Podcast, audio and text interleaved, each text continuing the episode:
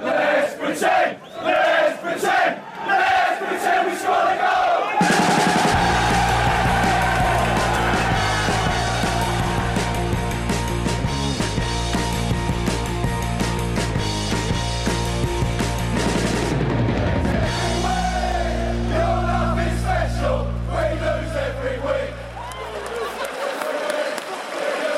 Sportbladets Premier League-podd här denna fredag.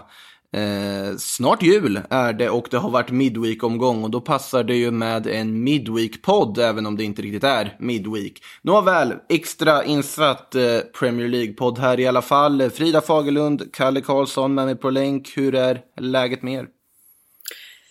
Jo då, det är fint eh, här borta med mig. Jag, vet, jag brukar alltid nämna vädret så idag kan jag eh, säga att eh, det faktiskt är grått här också. Så att eh, ingen sol eh, som det brukar vara annars. Vet du vad det sjuka är? Att jag ser faktiskt lite, lite blå himmel här. Oj, Det, ja, det är ju helt bisarrt. det är sanslöst. Bizarro World här eh, med vädret när vanligtvis tropiska London bjuder på gråa moln istället. Eh, måste ju fråga dig Frida också, jag vet att senast jag var inne här i Premier League-podden och roddade, då hade du sett varenda match från den här säsongen. Har du fortfarande hållit uppe den streaken? Det blir ju svårare nu när det är så många matcher samtidigt. Så att, Det är eh, sant, det är ja, sant. Så vissa matcher har jag faktiskt valt att bara kolla extended highlights. Eh, vissa 0-0 matcher och sånt. Att, Men ändå eh, extended highlights. Det är viktigt att poängtera. Nej men precis, man måste ju hålla sig eh, uppdaterad, tänker jag. Eh, någon match som nog de flesta såg här i veckan, det var ju toppmötet där som vi... Vi kan lika gärna börja med det, för det är ju det mest intressanta från den här omgången. Ettan mot tvåan i serien, Liverpool mot Tottenham. Detta Tottenham som har imponerat med firma Harry Kane och Heung-Min Son framåt som varit i sina livsformer. Detta Liverpool som trots att man inte har van Dijk, trots att man inte har Joe Gomez, ändå har fortsatt leverera resultat. Eh, måste vara att man har väldigt många spelare som inte är skadade, något som José Mourinho påpekade inför matchen i en fantastisk presskonferens. Eh, men det blev en 2-1-seger för Liverpool, kan vi säga. Eh, Kalle, dina funderingar kring matchen?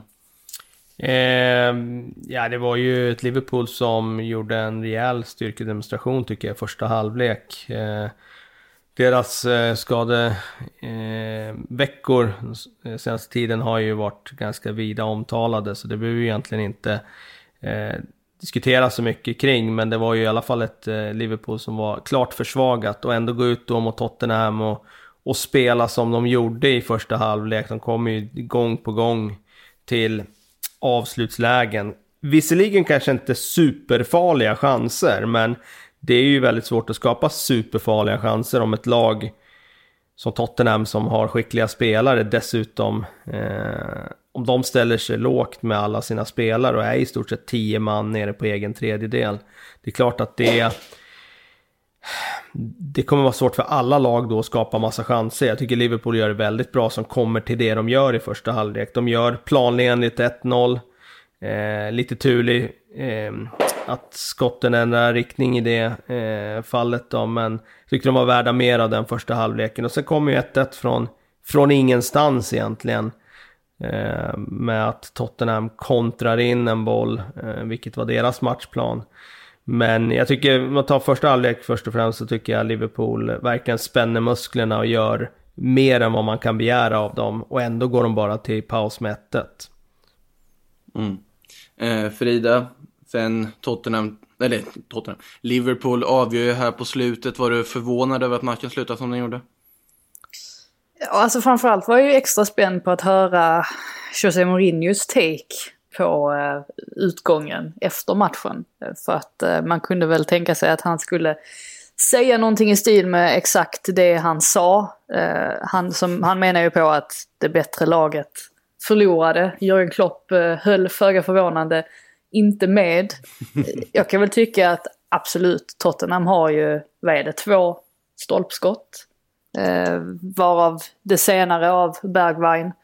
Det, mm, alltså går det in där så är det väl klart att det är inte så att man kanske hade suttit och sagt att Tottenham var helt oförtjänt av segern. Men jag tycker ju ändå att när Firmino nickar in den där bollen att om man tar första halvlek i beaktning så är det inte så att Liverpool snor tre poäng från Tottenham. Jag tycker inte heller att Tottenhams matchplan var...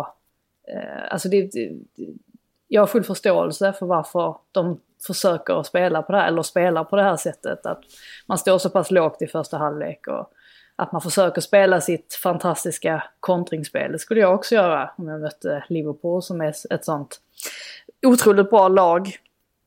Um, går ju givetvis att lyfta fram spelare också. Tänker inte minst på att man faktiskt har gjort, fått ut någonting bra av alla de här skadorna under hösten Eh, för Liverpools del. Och det är ju att en sån spelare som Curtis Jones verkligen har fått tid på sig att växa in i sin roll. Och han går ju liksom från klarhet till klarhet och det, var, det trodde man kanske inte på samma sätt att han skulle utvecklas så här snabbt för några månader sen när han ändå hade en tendens att um, göra lite så här misstag. Men han ser väldigt självklar ut i, i sin roll. Så att det är såklart en, en jätteseger för, um, för Liverpool. Och um, för Tottenham tror jag ändå att de måste ju ha känt att de var nära att vinna och att i alla fall plocka poäng. Så att det är väl säkert någonting de ändå kan spinna vidare på trots förluster. Mm.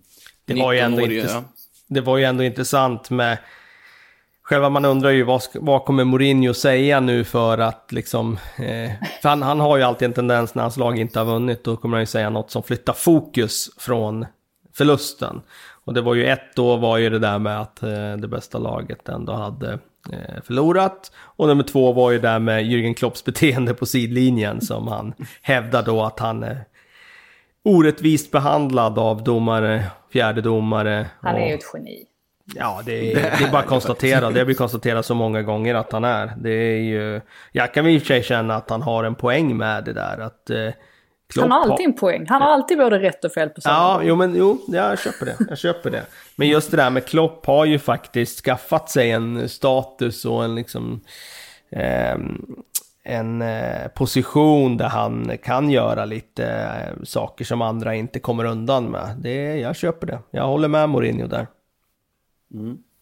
Eh, det, det, är lite fascinerande att se Mourinho. Det kändes som man bör, höll på att förlora liksom den gamla Mourinho någonstans mitt inne i den här bedrövelsen United. Och sen känns det som att han ändå nu på sen tid börjar hitta tillbaka till sig själv. Till den här Mourinho som är så underhållande att lyssna på. Så man kan bli det, så...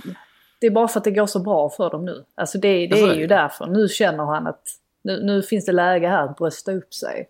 Eh, mm. Och han, han tar ju chansen direkt. Jag tycker det är det är underbart för alla oss utomstående för att det är ju fantastiskt underhållande att följa. Ja, verkligen.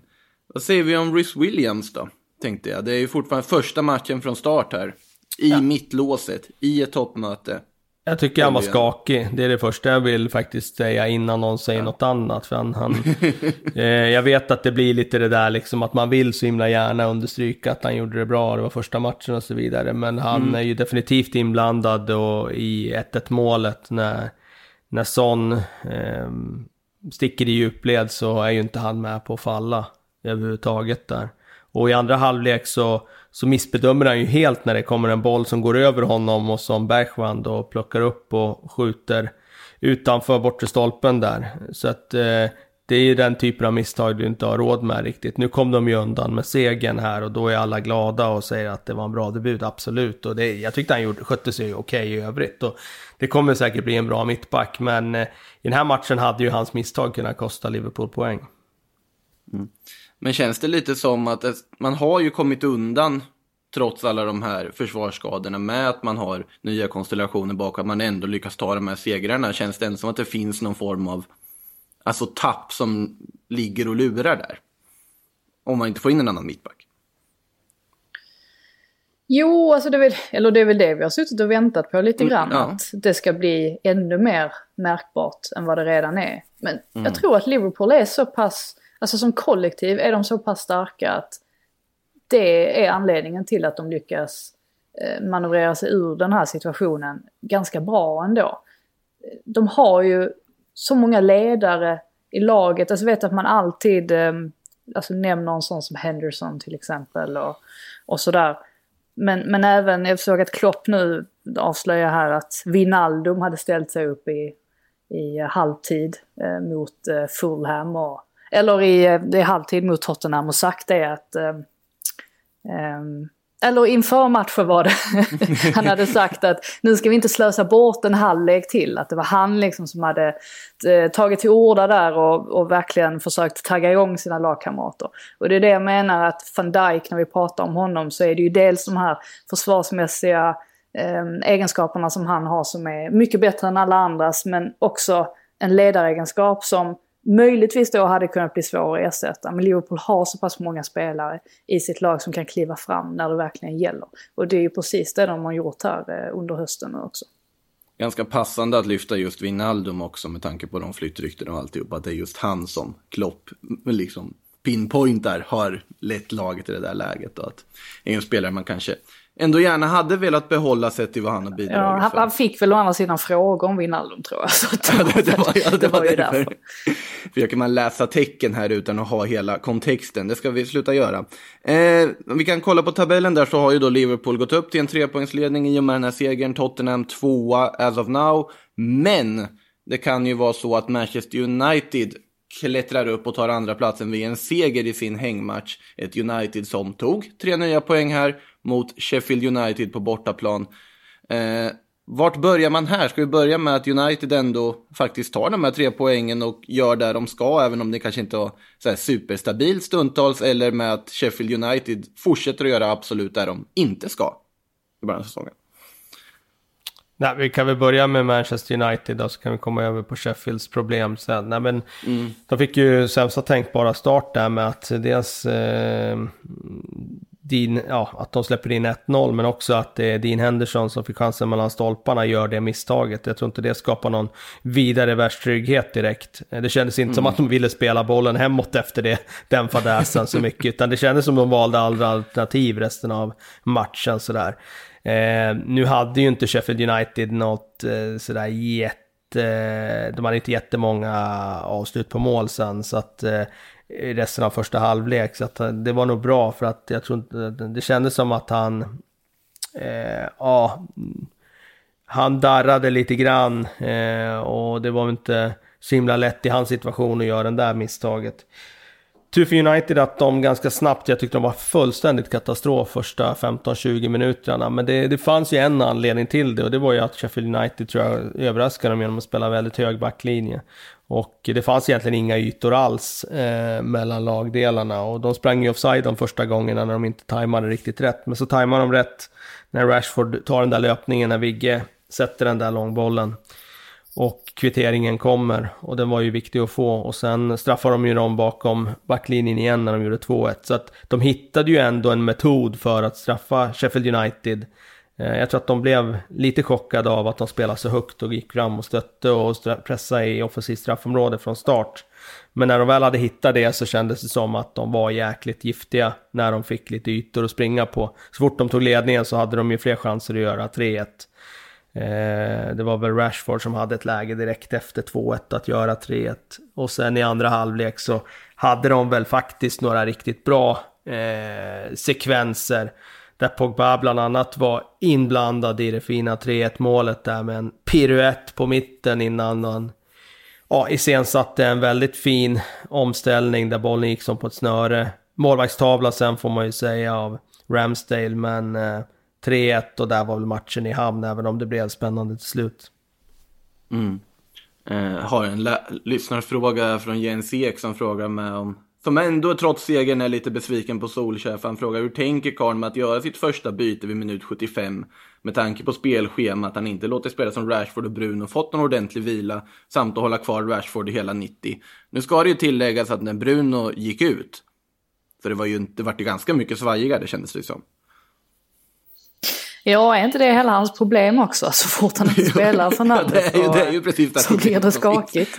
Det... Eh, ja, men det finns ju en eh, såklart ett, ett frågetecken kring, alltså nu när det är så pass många matcher som det är under december, hur man ska rotera på bästa sätt för att kunna spara på spelarna så mycket som möjligt för att så är det är ju självklart så att plockar vi bort Fernandes och låt säga Rashford då, det blir ju inte så mycket kvar egentligen. Um, och det är väl det som är anledningen till att Solskjaer, trots att de har haft ett fantastiskt bortafacit i alla fall nu under hösten och ändå är med där uppe eh, i toppen av tabellen så finns det ju eh, en viss tvekan kring fortfarande om Solskjaer är rätt man på rätt plats. Just av den anledningen att han förlitar sig eh, så himla mycket på att Fernandes och Rashford ska göra magi på planen. Och ja, skulle de åka planskada då? Ehm, det, man har ju i alla fall svårt att säga att de skulle kunna um, alltså kunna vända matcher på det sättet som de har gjort nu. Exempelvis mot eh, West Ham och Southampton och här också eh, mot Sheffield mm. United. Mm. På samma sätt utan de två spelarna. Ja. Innan vi tröskar vidare till eh, övriga matcher, Sheffield United måste ju nämnas ett ord. Till att börja med Ramsdale som kändes som en kanonvärvning inför säsongen, har ju börjat svajigt, men det känns det ju som att det liksom är en frukt av att laget i sig är så svajigt som de är. Alltså är, kan vi redan nu börja fundera på om de kan vara klara för nedflyttning för den här starten? Ja. hur ska de vända det här? Klara är de ju inte riktigt eftersom nej, det inte är så många poäng upp.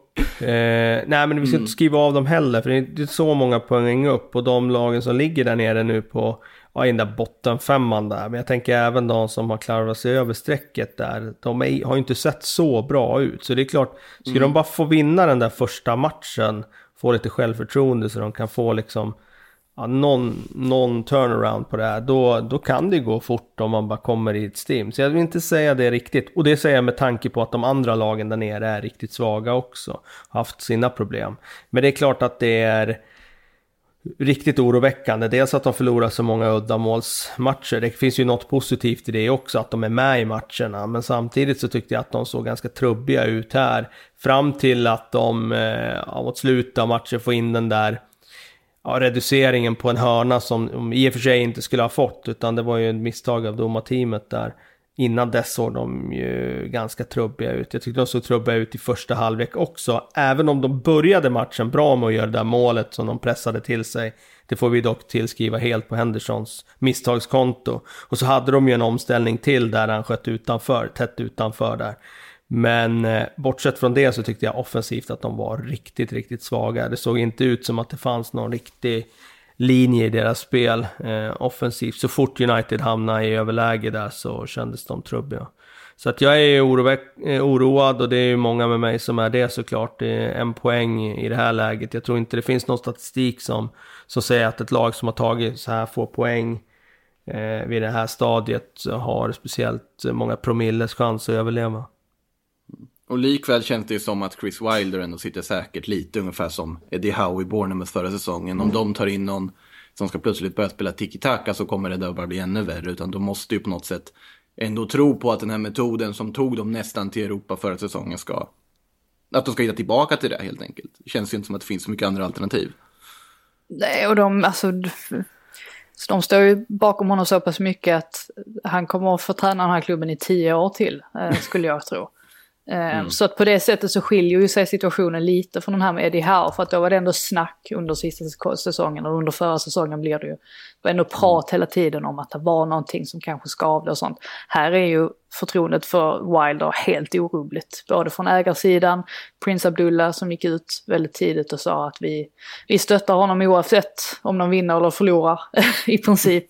Och eh, spelarna verkar inte heller ha tappat förtroendet för honom. Så att här gäller det bara för dem att eh, försöka bryta det här negativa momentumet som de har dragit på sig. Och gällande Ramsdale så det, det blir ju ganska orättvist för att han blir ju konstant jämförd med Hendersons mm. siffror från förra säsongen. Och eh, om man ska vara helt ärlig så är det ingen målvakt egentligen som har imponerat sådär särskilt hittills under säsongen. Inte minst om man kollar på alltså siffrorna så, eh, så har nästan alla eh, släppt in mycket fler mål jämfört med eh, förra eh, säsongen. Så att det är ganska, jag tror att man måste liksom ge honom lite tid också och inse att eh, alltså han är, inte, han är kanske inte felfri som målvakt helt men han är inte så, alltså man kan inte beskylla honom för vart Sheffield United ligger heller i tabellen. Verkligen inte. Eh, inverterad situation i West Bromwich dock då, där eh, Johnston eh, räddar allt som går att rädda i princip för att rädda en poäng till West Bromwich borta mot City. Samtidigt som dock Slaven Bilics kontrakt och hans jobb inte gick att rädda, för där hade man inte riktigt samma förtroende. Slaven Bilic out efter 1-1 för West Bromwich borta mot City och ja såklart Sam Allardyce som kommer in istället och ska rädda kvar klubben. Föga överraskande va? Ja, lite överraskande är det väl ändå. Han har, alltså man har ju ändå tänkt att han ska ha lagt eh, coachhatten på hyllan här. Han är ju... Ja, det var väl två år sedan han var i Everton senast. Och han är ju inte ung längre, Big Sam. Och man tänker väl ändå, även om hans namn såklart plock, ploppar upp så fort det är någon som får sparken för att han har kommit in som krisdoktor tidigare så är det ju Eh, lite överraskande ändå att de dammar av en 66-årig Allardyce på att komma in och rädda den här skutan. Det tycker jag nog ändå, men eh, jag säger inte att det är fel. Det, de går ju på den här eh, skaran av tränare som alltid nämns när det ska räddas ett kontrakt. Och det är ju han och det är Tony Pulis och det är någon till. Ja, men så fort, alltså även om han har kommit i åren och uh, legat och dammat ett tag så är det ju fortfarande så att när det ligger där ett osäkert kontrakt och svajar, då, då är ju Sam Allardyce där och hugger ändå känns det ju som. Han är bra på att förhandla också, han kommer ju få ungefär 18 miljoner i bonus om de klarar kontrakten. Så att det är en bra peng. Jag tror han hade en riktigt bra bonus när han var i Crystal Palace och räddade kontraktet också. Så han kommer ju rädda kontraktet nu, så kommer han ju sen efter ändå få lämna när eh, West Bromwich då vill förnya sig och börja spela roligare fotboll inom citationstecken. Skratta gott men när han går till banken samtidigt som Bromwich då misslyckas och åker ur. Det är väl ungefär den framtidsvisionen man kan föreställa sig, eller som jag föreställer mig i alla fall. Eh, tråkigt för Billich, men får se hur det går då för West Bromwich med den erfarne kontraktsräddaren Sam Allardyce där. Eh, City var ju inte ett poängtapp de hade räknat med. Nej, det, det, kan man väl nog eh, lugnt. Där sticker du inte ut hakan eh, så att säga. Nej, en väldigt, väldigt safe segway kände jag. ja, eh, nej, alltså de dras ju lite med samma problem som vi har diskuterat under hösten. Att de, de mm. gör inte tillräckligt med mål. Och eh, det kan ju finnas många förklaringar till varför det är på det viset. Men eh, några av dem är ju givetvis, eller en av dem är givetvis att Sergio Agüero inte är riktigt slagkraftig än. Så han har ju trots allt varit deras mest kliniska avslutare under ganska många år nu. Mm. en annan förklaring kan ju vara en sån sak som att David Silva är, är borta och att han aldrig riktigt ersattes. Han var ju den, den spelaren som ihop med De Bruyne producerade flest chanser för City. Eh, så det var en ganska stor, um, ja en ganska viktig spelare som man tog bort det, eller som försvann. Och eh, ledare också får man säga, eftersom att han hade varit i klubben så pass länge. Um, och sen är ju, alltså Rodri, som man också har diskuterat mycket, är ju inte riktigt samma typ som Fernandinho. Han, enligt statistiken så släpper han till lite för många, eller tillåter lite för många omställningar för motståndarlaget. Så att det är väl um, en kombination av lite allt möjligt som, som gör att Manchester United, ligger, eller Manchester City ligger där de ligger just nu. Mm.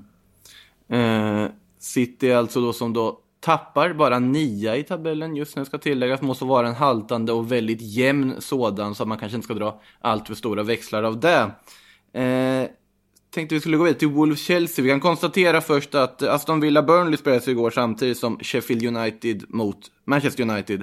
0-0 i den matchen. Det var inget anmärkningsvärt att notera i dina extended highlights där Frida, eller?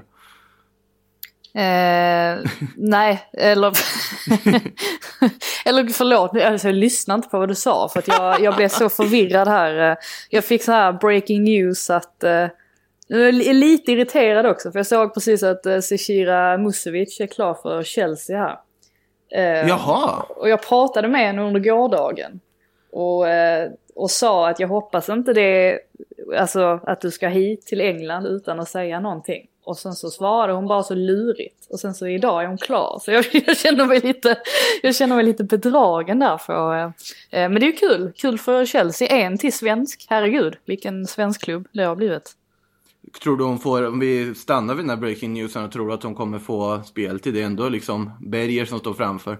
Mm.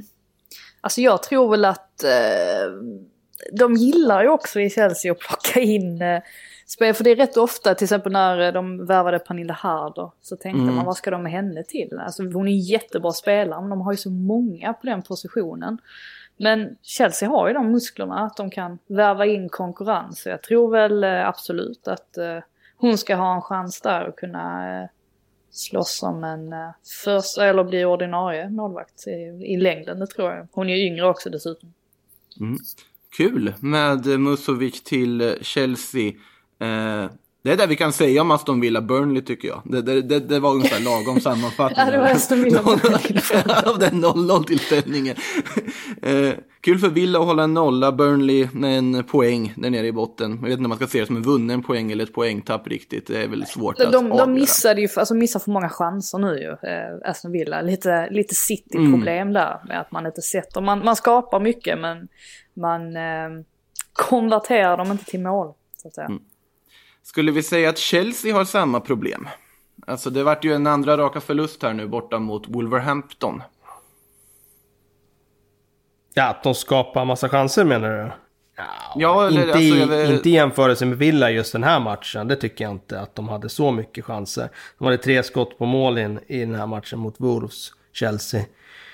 Mm. Eh, däremot hade de ju matchen totalt under kontroll. Och eh, de borde ju såklart ha gått hem med segern, det tycker jag. Med tanke på att dels har vi ju eh, Wolves som är lite... Eh, ja, de är ju fortfarande halta av att eh, Raúl Jiménez har drabbats mm. av eh, en skada som förmodligen håller honom borta resten av säsongen i värsta fall. Då, och, och eh, jag tycker att Chelsea, de de bjöd in dem i matcher på ett väldigt klumpigt sätt. De, de borde ha mm. stängt det där. Alltså de dessutom sen lyckas släppa in ett mål i alltså de sista sekunderna av tilläggstiden. Det var ju så otroligt klantigt. Eh, Kovacic är annars rätt bra på att bromsa på mittfältet, men om man tittar på den omställningen som, som startar det eh, anfallet där Wolves avgör så kommer han ju helt fel i den situationen uppe vid offensiv straffområde. Och eh, Ja, det är klart att de är jättemissnöjda med det. Det hade varit en okej okay poäng ändå på bortaplan så att plocka den. Men eh, ja, nu är det såklart jättetungt att, att åka på en torsk i sista sekunden. Mm. Grus i maskineriet eh, ganska rejält där kan man ändå säga med tanke på också ett av torskarna senast mot Everton. Så två raka förluster här nu för ett Chelsea som annars verkligen hade haft ja, rejäl, de har ju fortfarande god kontakt i och för sig uppåt, men ändå rejäl kontakt mot titelstriden på allvar här då. Niklas Hultén Lindgren frågar där då. Borde Chelsea bänka Werner och Havertz till förmån för Pulisic och Kovacic? Då förutsatt att James spelar ytter och kanske Aspi högerback. Alltså, det känns ju som att personligen att Werner och Havertz är spelare som behöver få så mycket speltid som möjligt oavsett lite här. För att verkligen hitta stimmet helt och hållet. Håller ni med? Jo, alltså det är väl det som eh, det är det som måste ha varit anledningen till att de ens har spelat så mycket nu eh, under mm. hösten. För att, eh, alltså Werner tycker jag ändå, han har ju gjort nytta för Chelsea på ett lite annat sätt än vad Havertz har ja. gjort. Alltså Werner har ändå öppnat upp, um, alltså för att andra skulle göra mål i alla fall genom sina löpningar och sådär. Sen har han bommat mycket och det är ju någonting man kanske måste leva med med honom. Eh, alltså, han kanske bara är den typen av spelare som inte alltid är sådär klinisk i sina avslut. I Harvards fall har det ju varit med att han har känt, känts vilse helt. Um, och det märks väl, eller det råder ju skilda meningar om vilken position som är hans bästa um, och så vidare. Um, jag tycker väl att det har, nästan alltså, har sett bättre ut när Kovacic har gått före Harvards, uh, exempelvis då när han var borta och hade testat positivt för covid-19 var det va? Mm. Och alltså nu kommer det ändå vara så pass många matcher att vi säkerligen kommer se laget rotera eh, betydligt mer. Men det är klart, alltså när man kommer in med en sån stor prislapp som Harvers gjorde så finns det ju förväntningar som alla vill att man gärna ska besvara omgående. Men eh, ja, det verkar ju ta lite tid för honom att eh, akklimatisera sig. Men eh, alltså där är samtidigt, där är ju ett sparkapital i honom. Det tror jag väl alla kan se också. Ja. Det är lite oroväckande att han är så avskärmad från, i spelet just nu. Att de inte hittar honom i rätt ytor och så vidare. Eh, jag tyckte den här matchen så, så driftade han verkligen ur matchen helt och hållet. Och eh, det är klart att det finns någonting där i att han hade passat bättre som ensam tia. Nu spelar han i någon slags åtta position och han kanske behöver lite mer frihet som tia. Men eh, samtidigt så får vi ge honom lite tid här och, och anpassa sig till en ny liga, en ny roll och det kan säkert bli bra på sikt. Men hittills har ju tecknen inte varit positiva när det gäller honom. När det gäller Werner i den här matchen så var, får vi ändå säga att han var riktigt, riktigt slarvig. Ja, ja absolut. Alltså, var... Jag tänkte mest alltså, sett, alltså, totalt sett över hela. Ja, ja, ja, absolut. Nej, men jag köper det du sa. Jag konstaterar bara att Werner där är man ju också lite orolig över just när det gäller positionen. Att det, det, finns ju ingen riktig position för honom. Om nu Giroud ska få fortsatt förtroende som nia så finns det ju ingen perfekt position i Lampards 4-3-3 just nu för Werner. För att eh, han är ju inte den som ska spela in bollen till andra utan han ska ju få bollen i fart och avsluta helst själv. Sen är han inte den mest effektiva spelaren vilket vi har fått sett prov på. Men han löper ju ständigt så att han tar sig till så många chanser så att han i alla fall har möjlighet att göra mycket mål. Och frågan är om han är den. Alltså, eh, alltså en, eller kommer bli, eller är en av de bästa alltså niorna i världen. Jag tycker ju inte riktigt att han är det. Alltså inte av det man har sett eh, på sistone i alla fall. Och, eh, alltså att han, han, han missar ju helt enkelt alldeles för många målchanser för att man ska tycka att han är den typen av nia som man kanske eh, behöver för att vinna Premier League. Alltså jag tycker inte att man kan förlita sig på honom helt och hållet. Men vem vet, han kanske helt plötsligt, bara för jag har sagt detta nu så växlar han upp och så sätter han alla möjligheter han får från och med nu. Men det är ju en sån spelare att när han väl hittar ett stim så kommer det bara rassla. Men frågan är ju hur mycket chans han kommer få att hitta det där stimmet och hur lång tid det kommer ta att hitta stimmet och vart Chelsea befinner sig när han väl gör det. Men jag tror att förr eller senare kommer det börja rassla för Timo Werner, för det har vi sett prov på förr. Eh, vet ni vad, nu ska jag faktiskt hitta en positiv aspekt för Arsenal här när vi går över till Arsenal Southampton att Arsenal var den enda av de topp tre, alltså stora Londonlagen, som faktiskt tog poäng den här omgången. 1-1 mot Southampton, men de är väl inte så här överlyckliga ändå. Eh, man har ju trots allt tagit fler röda kort än vad man har eh, tagit poäng och mål på senare tid, höll jag nästan på att säga. Eh, Arsenals sjunde röda kort under Arteta fick vi här nu. När Gabriel då tvingade stoppa Walcott som försökte ställa om. Eh, vi kan väl börja där. Det är alltså andra raka matchen Arsenal får avsluta med en man mindre. Är det tillfälligheter eller finns, är det något annat det beror på tror ni? Alltså det är ingen tillfällighet att Gabriel drog på sig det där andra gula kortet i alla fall. Han blir ju... Um, alltså man, på ett sätt har man förståelse för varför han gör det. Det är klart att det är dumt och det första gula kortet ska han ju absolut inte dra på sig från första början. Men det visar väl också lite att det fortfarande är snurrigt i i um, Arsenal på många sätt. Det som är positivt dock är ju att det finns ju ändå en, alltså tendenser i den andra halvleken som är positiva. Att eh, dels då att man får med sig en poäng. Lite underbetyg till Southampton också eh, på ett sätt. Att de inte lyckas eh, bryta sig igenom med tanke på hur, hur Arsenal är just nu. Eh, ja. Också skönt att se att Bukayo Saka som ju har levererat, det ska sägas, men nu växlade han ju upp det ännu mer. Och man ser ju där, så länge Aubameyang bara får en ordentlig boll levererad till sig så kan han göra mål. Eh, mm. Det är inte där riktigt problemet ligger. Så att nu är de ju, som där jag lyssnade på radion i morse så var Martin Keon med och um, han pratade om hur de 2002 hade haft ett lite liknande problem, alltså rent mentalt. Och att Wenger då plockade in en eh, psykolog utifrån. Som han menade på hjälpte dem extremt mycket att liksom komma tillbaks till det här vinnarspåret och, och så vidare. Och det är väl, man tänker väl säga att de har ju säkert eh, hur mycket folk som helst kring klubben och sådär som, som hjälper dem med eh, den typen av saker. hoppas jag i alla fall. Men det är väl lite där man står just nu att det är den mentala biten som saknas, det där jäkla anammet som vi har varit inne på eh, så många gånger tidigare också. Ja. Eh, vad säger vi om Walcotts firande då? På 0-1 målet. Förväntade vi att han skulle ändå fira som han gjorde? För han var ju märkbart glad liksom. Ja, nej, han mådde bra. Eh, absolut. Det kanske också är, eh, man kanske inte ska dra för höga växlar av det i och för sig, men det kanske också visar lite var, eh, alltså hur Arsenal mår.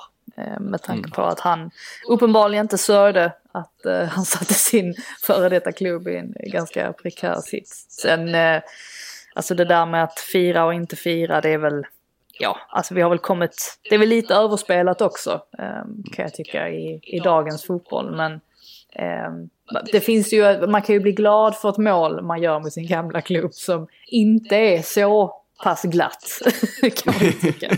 Men, men han var... Han får vara glad om han vill. Sen är väl en sorts uh, försvarande aspekt i Walcott i det här sammanhanget är ju att det är ju trots allt Southampton han är fostrad i. Så att det finns ju någonting där också. Att Southampton är väl egentligen hans klubb oavsett hur länge han var i Arsenal. Så att det är, det är ju förmildrande omständighet att det ändå var för Southampton han gjorde målet skulle jag säga. Eh, Kalle, dina tankar om Arsenal, är du inne på samma spår som vi har varit? Nej men till att börja med ska jag säga att eh, Southampton är ju ett väldigt lurigt lag att möta den här säsongen. Mm. Dels är de ju eh, väldigt bra, men framförallt är de ju otroligt bra på att pressa. Eh, de springer väldigt mycket och de gör det synkroniserat och det är inte så himla lätt att spela igenom dem. Och det var ganska tydligt i den här första halvleken tycker jag att, att eh, ja, Arsenal har jättesvårt första halvtimmen och och hantera deras press. Men det är ju fler lag som har haft det och det är fler lag som kommer att ha det också. Så att man får ändå vara lite med på det. Sen eh, mm. får man ju säga att de fick ju ändå, sett till det röda kortet, så fick de ju ändå med sig ett positivt resultat för den här matchen. För att ja. jag kände att när det där röda kortet kom så kände ju jag att nu kommer det ju faktiskt att bli en till förlust. Och då hade det ju varit total kris. Eh, nu blir det ändå ett kryss och med, med alla förutsättningar som fanns när, när det stod 1-1 och, och det var ett rött kort med i bilden så, så får man ändå säga att det var positivt för Arsenal. Så att jag, jag är lite mer positiv nu än vad jag var när Gabriel vandrade av planen i det ögonblicket. Jag eh, inser ju också att det är en, en krisartad situation såklart, men jag tror ändå att de är tillräckligt bra för att de ska kunna vakna till och, och få ihop några segrar här under den här kommande tiden. Eh, jag kan inte se att det skulle fortsätta bara rakt ner i underjorden. Jag kan inte det. Mm. Återstår att se. Positivt var det även för eh, Robin Olsen i veckan. Fick ju spela och starta för Everton som tar tre starka pinnar borta mot Leicester. Olsen som får hålla nollan där dessutom på King Power Stadium. Eh, Richarlison och Holgate med målen. Tankar kring denna topp, det toppmöte som det ändå var. Ja, det ska vi sägas med Robin Olsen där att uh, Ancelotti återigen. Um, det är inte det att han har, för det var ju rätt många som var förvånade över att Robin Olsen fick chansen i det här läget med tanke på att Pickford faktiskt gjorde en bra match um, mm. i helgen. Men eh, det handlar om eh, att han vill rotera igen. Så att eh, Pickford väntas stå här eh, i nästa match. Så Även att, eh, målvakter blir trötta. Ja, nej men tydligen. Och Ancelotti hävdar ju det att han gillar att rotera målvakter. Så det får han väl fortsätta göra då. Eh, om han vill. I övrigt så var det ju alltså en stark seger från Everton som alltså ändå ganska skickligt här har fått, ja alltså har kommit på banan igen efter, alltså tyckte mot, dels mot Fulham där såg det ju väldigt skakigt ut och eh, där började han väl alltså testa det här med att ha Iwobi på som wingback och sen så har han liksom fam, famlat sig fram lite kring hur han ska mm. kunna ersätta eh, Dinho. Inte minst nu är Chamez också som var borta men de har liksom fått förlita sig på att vara välorganiserade defensivt istället. De har ju Richarlison också, det är väl oftast han som är avgörande för huruvida de kan vinna en match eller inte. De vinner inte så ofta när han inte är med. Så att det är ju väldigt starkt på det sättet att de har lyckats se så stabila ut defensivt. För det var ingen självklarhet eh, inledningsvis på säsongen heller. Men eh, Godfrey som vi har lyft tidigare, han fortsätter ju vara väldigt bra. Michael Keane har också sett eh, väldigt stabil ut. Så att eh, starkt ändå att vända på den trenden. Mm. Eh, tre övriga matcher som har spelats som vi inte nämnt här var målfest på Ellen Road. Leeds som får ketchup-effekt besegrar Newcastle med 5-2. Fulham Brighton, inga mål där dock, 0-0. Och West Ham Crystal Palace 1-1.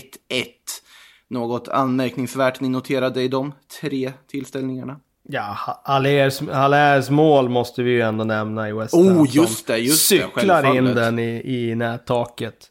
I krysset. Eller i krysset kanske vi ska säga att Är det det var. otroligt mål. Det är väl säsongens mål va? Ja, det är det väl. Jag, jag är svag för bicykletas som utförs på det där sättet när man verkligen cyklar dem. Så att jag, jag sätter det som nummer ett hittills.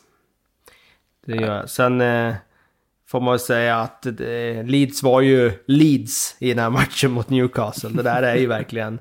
Det blir inte mer Bielsa Leeds än vad det var nu när de bara flög fram i omställningar och liksom sprang som det inte fanns någon morgondag överhuvudtaget. Det finns ju någonting i det som är väldigt charmerande. Mm. Och Rodrigo fick göra ett av målen, vilket glädjer en Spanien-vurmare som undertecknad. Han måste, han måste komma igång här nu snart för att eh, han har ju lite av La Ligas eh, hopp på sina axlar ändå känner jag när han går till Leeds. En överraskande övergång ändå. Att han, nu får han leverera. Skönt för honom att näta. Eh, ska vi se om vi har några fler lyssnarfrågor. Eh, Ja, vi har en fråga här till exempel från AFC Alex. Hur många röda kort kan Arsenal dra på sig den här säsongen och vad beror det på? Desperation från spelarna. Alltså, det, ja, kan det, vad är det, fyra man får ha va, innan match bry- bryts, eller? För att det är för få Jo, de har ju dragit på sig sju stycken sådana Arteta eh, klev in. Och det är ju långt fler än eh, alla andra klubbar har dragit på Ja, de sig. andra klubbarna är väl max, det är väl tre som mest tror jag. Det är väl ingen som har fler än tre röda totalt på den Norwich. perioden. Ja. Ja, de är inte kvar ens heller. Nej. Eh, men alltså det, är det bara psykologiskt? Det är det man tänker eller är det liksom att man sätter sig i situationer? Nu kanske inte Chakas är väl mer psykologiskt, eh, alltså total kollaps där i huvudet. Men jag tänker till exempel Gabriels situation, man sätter sig i situationer när man blir liksom på något sätt tvingad att ta de här ja, aktionerna som gör att du får andra gula och röda kort. Ja, men Det är klart att när det går emot så är det klart att man, som i Xhakas fall, liksom att sinnet rinner över. Det är klart att han, han är påverkad av lagets liksom, situation och pressen utifrån och frustration över att det inte fungerar när han eh, får för sig att det är en bra idé och liksom ta struptag på någon. Eh, när det gäller just det här med Gabriels eh, röda så finns det säkert någonting i det att, att man kan stoppa de anfallen tidigare än vad Arsenal gör. I det fallet och i andra fall. Men eh, jag tror mer det är det där att eh, vi hade inte pratat om Gabriels utvisning om det inte hade varit fler röda kort runt omkring. Utan Nej. det är ju de här andra incidenterna som ändå liksom någonstans ger en känslan om att det allt står inte riktigt rätt till. Sen ska man komma ihåg att ibland så kanske man gör lite för eh, djupgående psykologiska analyser av att det är något som är helt fel och sen kanske det visar sig att Arsenal inte kommer ta något mer rött kort på den här säsongen. Liksom. Eh, det kan vara så, men det är klart att det brukar vara tecken på att det inte är helt harmoniskt om man tar, som i det här fallet, två sådana röda kort inom kort tid. Eh, tar en fråga till är från Freddan. Eh, han har tittat ner i de eh, yngre lagen i Manchester Uniteds verksamhet. För han frågar när ser vi Elanga, han syftar upp på Josef Elanga, i Manchester Uniteds A-lag? För då blir det ju två svenskar i A-laget, det är sant. För där är ju redan Victor Nilsson Lindelöf. Vad tror du Frida? Elanga, är det A-lagsmaterial? Ja, nej men det är det. Eh, ska man titta på vad... Eh, nej men alltså hur Manchester United har eh, gjort de senaste säsongerna. Alltså tänker jag exempelvis på Mason Greenwood då. Och eh, Marcus Rashford främst. Så Ehm, United är inte främmande för att ta upp unga spelare till A-laget och ge dem chansen. Och, ehm, Solskär inte minst har ju, säger ju ofta det att det, det är ju lite hans specialitet ändå att ha, en, eh, ha ett öga på akademin och vad som händer där. Så att jag tror nog att Elanga har uppmärksammats och att ehm, de verkligen håller eh, koll på honom. Han har eh, så pass bra har han presterat i alla fall. Han hålls väldigt högt också i, i eh, akademin. Det är ju han och Mabry också som är ännu bättre kanske som eh, tippas bli eh, nästa spelare att ha klivit upp. Så att vi får väl hålla tummarna för det. Det hade varit kul. Mm. Det blir spännande att följa hans utveckling. Det blir också spännande att följa helgens matcher. Ska vi säga några riktiga godbitar som väntar där. Everton-Arsenal på lördagen. Det blir otroligt intressant att se om Carlettos gäng kan hopa över ännu mer misär på Arsenal även om Det är Arsenal ingen rolig lite- match att ha för Arsenal inte riktigt. i det här läget. Men Inte ändå riktigt. överkomlig. ja, Alltså, men det är väl alla matcher utom Liverpool och City borta typ. Ja, jo men jag tänker att jag hade hellre... Möter hellre Everton En, på bortaplan dessutom där Arsenal egentligen har tenderat att vara lite bättre jämfört med hemmaplan. Av någon anledning. Alltså, Kalmar FF-tendenser på Arsenal. Ja, men Kan inte spela på hemmaplan. ja, men, Och nu är de ju underdogs också på något sätt. Alltså nu är de underdogs på riktigt. Det Ja. det är ju ingen som... Det är väl klart att folk sitter och tänker att Arsenal måste vinna den här matchen. Jag tror ingen förväntar sig det. Det är ju ett skönt utgångsläge för dem. Nu får de ju bara visa att de fortfarande vill spela för klubben också. jag hade inte velat åka till Everton borta med att man måste vinna. Det, men det är jag det. Jag tycker det är Ja, en riktigt jobbig match alltså. Nej, Ja, men- ja, ja. ja, ja. Formstarkt Everton på bortaplan, liten tight plan på Goodison. Oh, oj, oj, oj, så jag. Ja, det är, Nej, de hade- det är en mardrömsmatch tycker jag. Mardrömsarena att komma till. De hade behövt ta med sig en Victor Elm som man kan slå bollar på på fasta där för att liksom till full och fullfölja liksom Kalmar-liknelsen jag drog. Eh, United mot Leeds. Manchester United mot Leeds United. Det är också någonting man ser fram emot på söndagen där. Det här klassikermötet har man ju saknat. Verkligen, och det finns ju en historia här som jag vet uppmärksammades i något fall och det är ju när Bielsa kommer med Athletic Bilbao för åtta år sedan är det väl, 2012 eller något sånt och eh, spelar ut Manchester United i det Europa League-mötet där. Muniain var helt strålande i den matchen. Ja, det var många av de där Susaeta och de där som var riktigt bra. Eh, och det var ju en jättefin generation Athletic Bilbao hade då. Men de, det blev ju någon slags en renässans för Bielsa i, liksom i Europa-fotbollen just den matchen mot United eftersom alla kameror var riktade liksom på, på, på den matchen eh, då. Och han visade verkligen upp sin fotboll när den är som allra bäst. Mm. Eh, I övrigt då i omgången som väntar som vi har gått oss med Crystal Palace, Liverpool, Southampton, Manchester City, Newcastle, Fulham, Brighton mot Sheffield, Tottenham mot Leicester och West Bromwich Albion mot Aston Villa. Och sen Burnley Wolves och Chelsea West Ham på måndagen dessutom. Det är det som väntar.